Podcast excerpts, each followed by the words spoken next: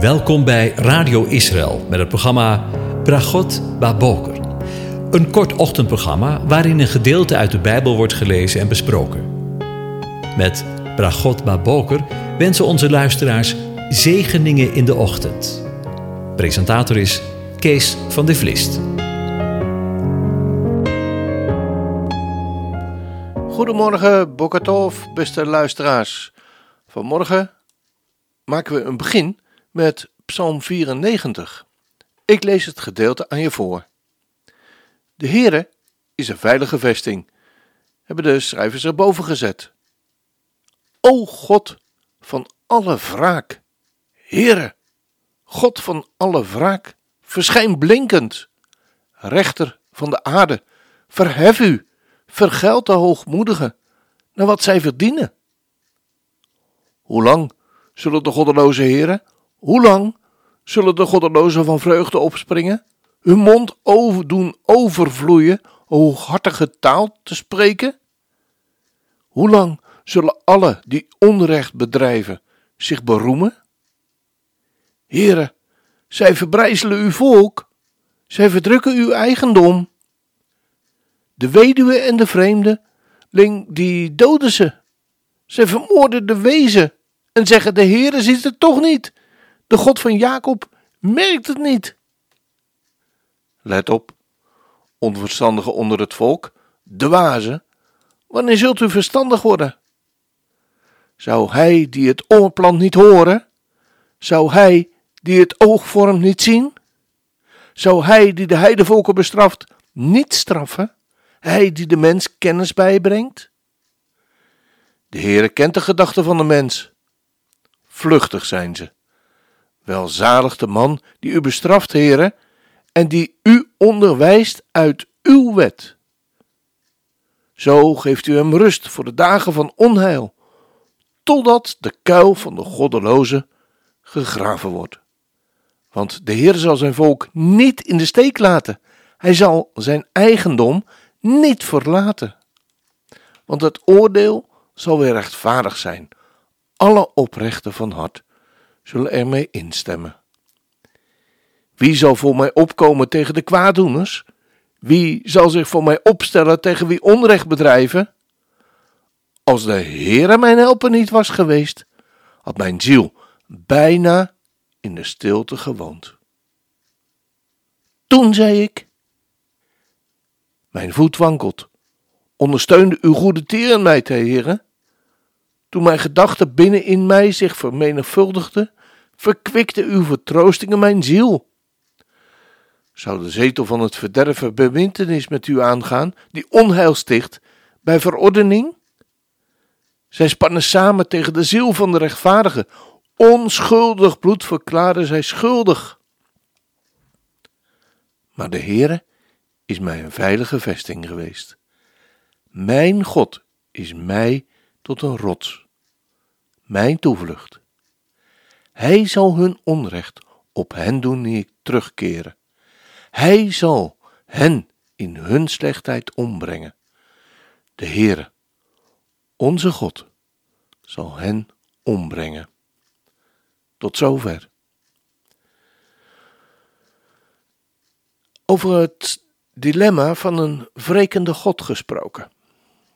Ik moet je eerlijk bekennen dat toen ik mij voorgenomen had Psalm 90 tot en met 99, die bij elkaar horen te gaan overdenken, ik me niet gerealiseerd had dat ook deze psalm in deze serie valt. Want laat ik het maar heel eerlijk zijn. Psalm 94 valt mij, veel Bijbellezers en ook Bijbelverklarers, denk ik, nog een rauw op het dak. We spreken liever over een liefhebbende God en over Zijn genade zijn trouw, zijn goede tierenheid. En we kunnen maar moeilijk horen over een God die wreekt. En laten we maar eerlijk zijn: met een preek over een wrekende God trek je tegenwoordig geen volle zalen en kerken.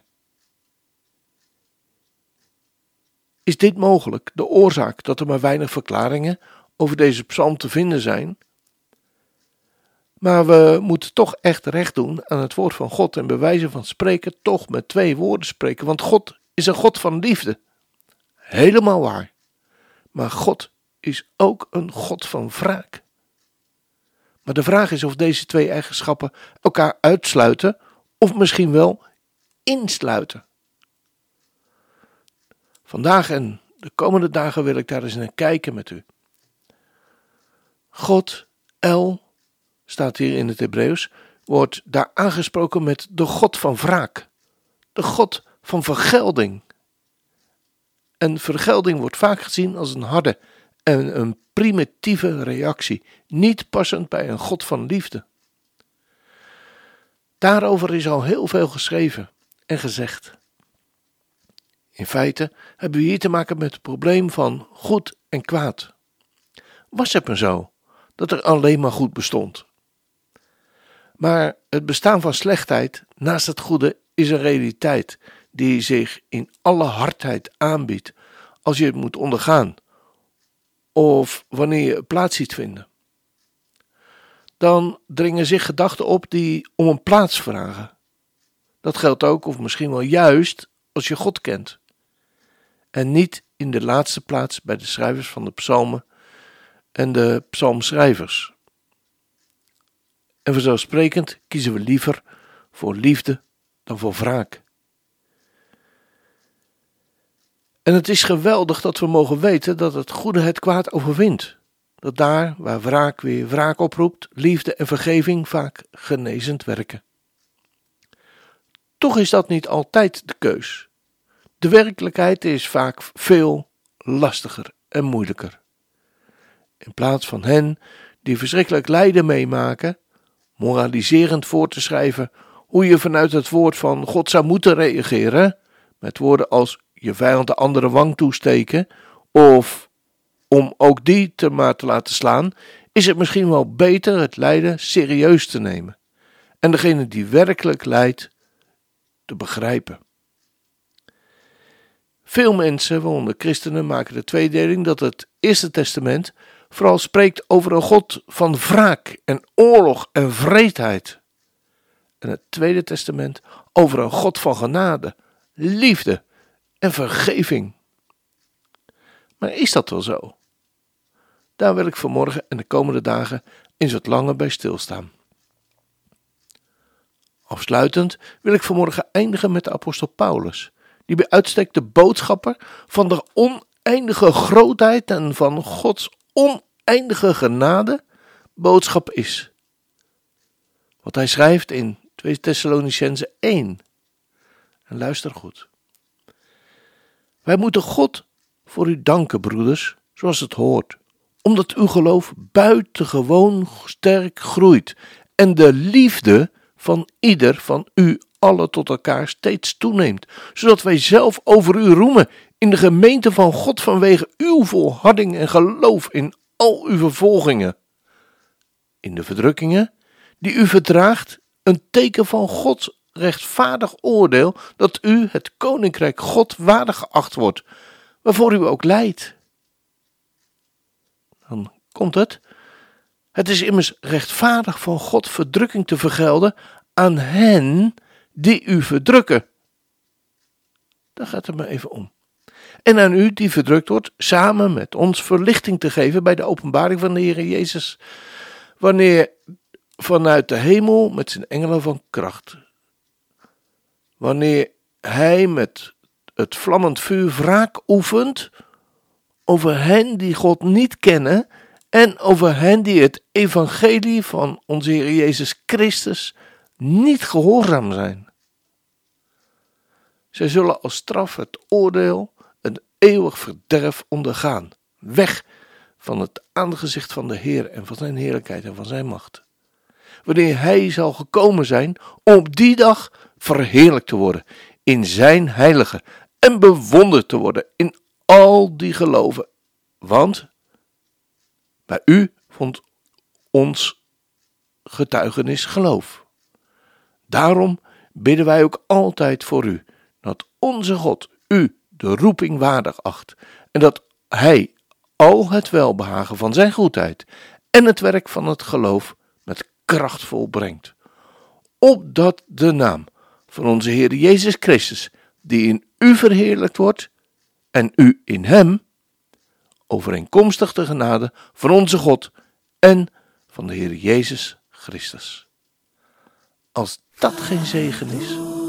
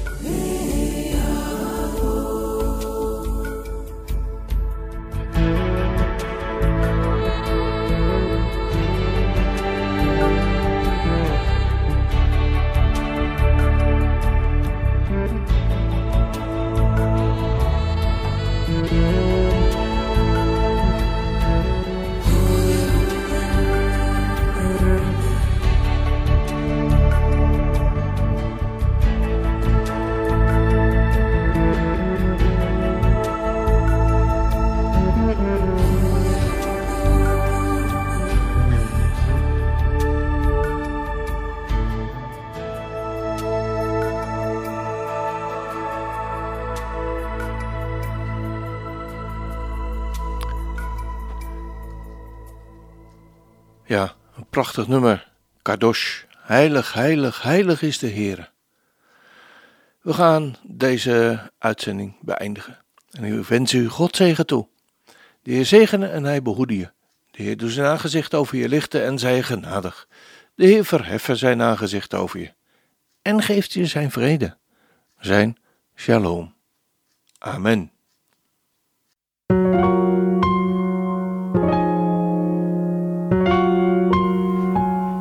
U hebt geluisterd naar het programma Bragot Baboker.